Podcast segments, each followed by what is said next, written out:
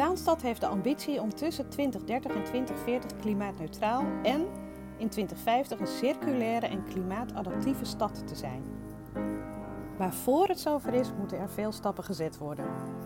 In het Nieuw Zaans Klimaat, Klimaatakkoord 2.0, worden 167 initiatieven gepresenteerd die samen tot de realisatie van die doelstelling moeten leiden. De orkaan bezocht wethouder duurzaamheid Annette Baarveld en sprak met haar over het akkoord.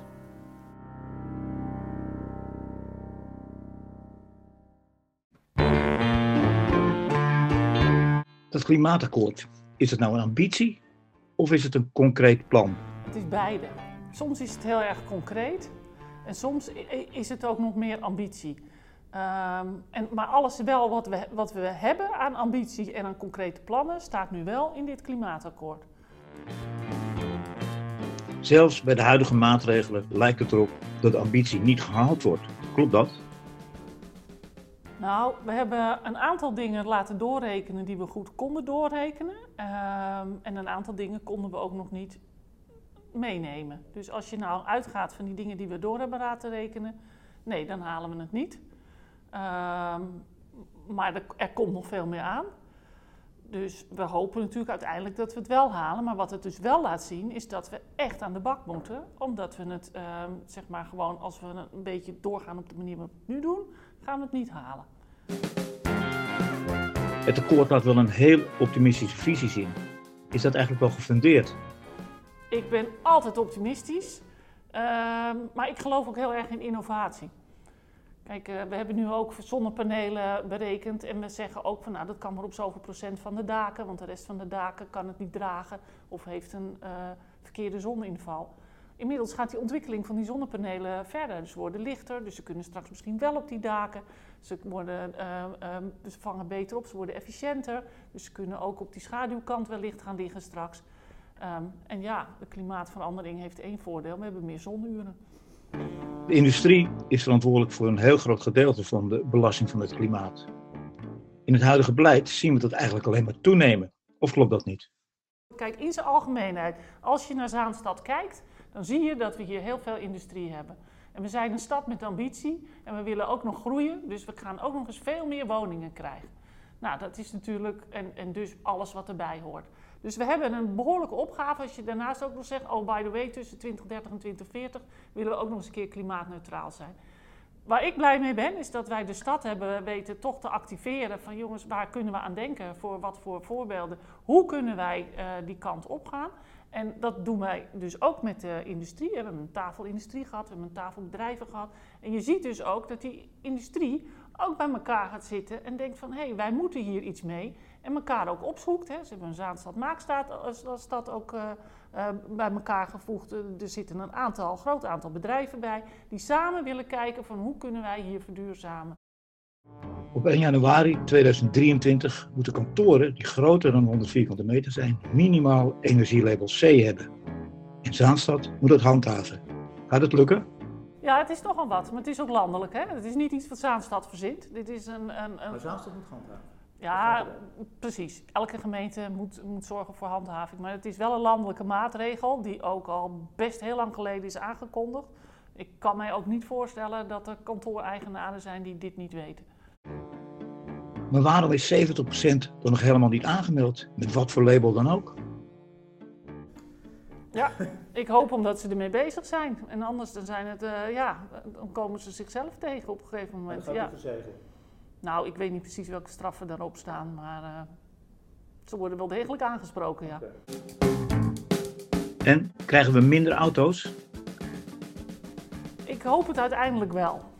Um, hoewel ik uh, niet ben van uh, we plagen iedereen de auto uit, dat absoluut niet. Maar ik denk dat het heel goed is om mensen te stimuleren op die fiets te stappen, die wandeling te maken en auto's te delen.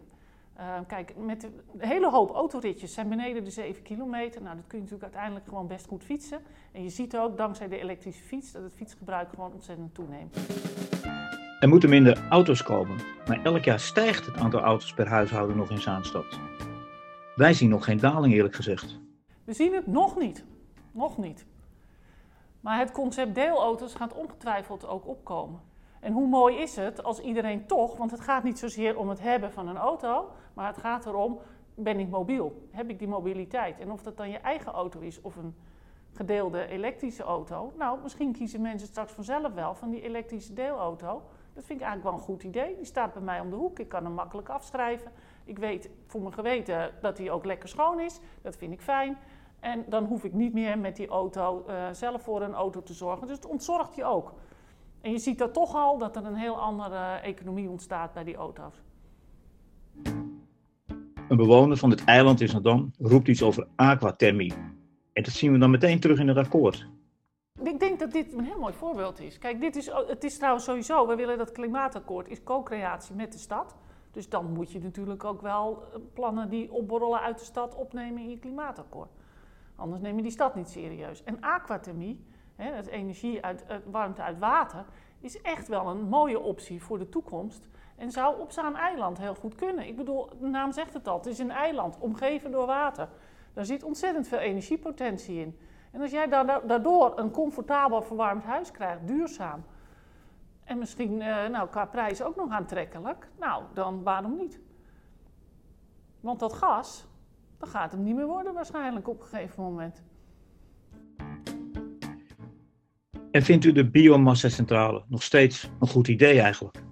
Nou kijk, de biomassacentrale in Zaanstad wordt gestookt op snoeihout. Ehm, dat is gecertificeerd, dat komt uit Nederland, dus dat is redelijk goed geborgd. Want ik vind niet dat een biomassacentrale op, op mooie houten bomen moet worden gestookt. Van houten bomen kun je, hè, van die grote bomen kun je iets veel, veel mooier en dat is veel duurzamer materiaal. Ik heb ook gezien dat er op een gegeven moment zoveel biomassacentrales werden gepland dat dat dus niet meer past met het snoeihout. Dus dat is geen goede ontwikkeling. Maar in Zaanstad hebben we deze beslissing eerder genomen zijn we, en hebben we een, nou ja, zeg maar de duurzame vorm van biomassa uh, zit aan die biomassacentrale. Het is ook een, een transitie. Dus het is niet de bedoeling dat deze biomassacentrale tot in de eeuwige dagen in bedrijf blijft. Er zit ongeveer een jaar of 15, geloof ik, contract aan. Weet het niet precies. Hij is ook niet van Zaanstad, hè, om dat even helder te maken. Uh, het is een bedrijf. Um, en wat we ondertussen keihard moeten doen, is juist inzetten op van, is er een alternatief en wat is dat alternatief dan? En dat kan of warmte uit de aarde zijn, of warmte uit water, waar we het ook net over hadden. Dat zijn hele duurzame alternatieven. En als je dan eenmaal dat warmtenet hebt uitgerold en je laat het nu nog uh, uh, laat verwarmen door die duurzame biomassa, dan kun je als je, klaar, als je die technieken ontwikkeld hebt, kun je vrij makkelijk overschakelen, want dan ligt dat net er al. En kun je gebruik gaan maken van of aardwarmte of warmte uit uh, water. En voor aardwarmte is het zo dat er op dit moment ook onderzoeken lopen vanuit de MRA. Hè, daar werken we ook samen uh, landelijk met de provincie Noord-Holland. Om te kijken waar kun je die aardwarmte precies um, aanboren. Want dat kan niet overal, dat hangt van de ondergrond af. Dus daar moet eerst nog onderzoek aan gedaan worden. Dat wordt nu gedaan. Maar stel je vindt het in Zaanstad en je kan zo'n bron aanboren, dan moet je ook wel gelijk zorgen dat je 5000 woningen hebt die je kan aansluiten op dat net, omdat er zoveel warmte vrijkomt uit zo'n boring. Dus het is ook een kip-en-ei verhaal. Je moet echt zorgen dat je eerst dat warmtenet hebt, alvorens je met je aardwarmte aan kan komen. En da daarom is biomassa dus de transitiebrandstof op dit moment. En moeten we zien dat we door die andere technieken te ontwikkelen kunnen overschakelen op, uh, op die andere technieken. Als aardwarmte en uh, warmte uit water. Zijn er duidelijke doelen die op vaste tijden kunnen worden gemeten? En we gaan er gewoon voor en we gaan ook elke keer herijken waar we wel staan. Maar we hebben nog niet tussenliggende piketpalen. Nee. Maar ik hoop ook dat we op een gegeven moment dat je eh, ziet dat we nou, steeds verbetering boeken. En dat je op een gegeven moment die grote doorbraak krijgt en dan ineens de, de lijn omhoog gaat naar die CO2-besparing.